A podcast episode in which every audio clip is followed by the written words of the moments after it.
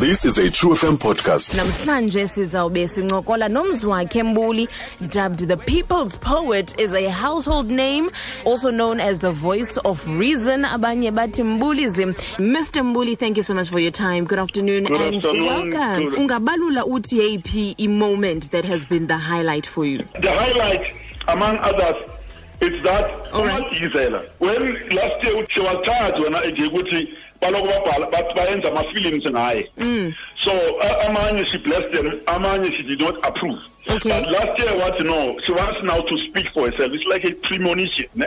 Umuntu ebona indlela yakhe. She wanted now to speak uh, and talk about her life journey. Then we organize about barbara king mendi. So as i speak to you they have just completed eight different or tapes ne? Mhm. Filming her because she told them ukuthi ufuna uMzwakhe Mbuli abe part of the documentary yakhe. Find us online on truefm.co.za.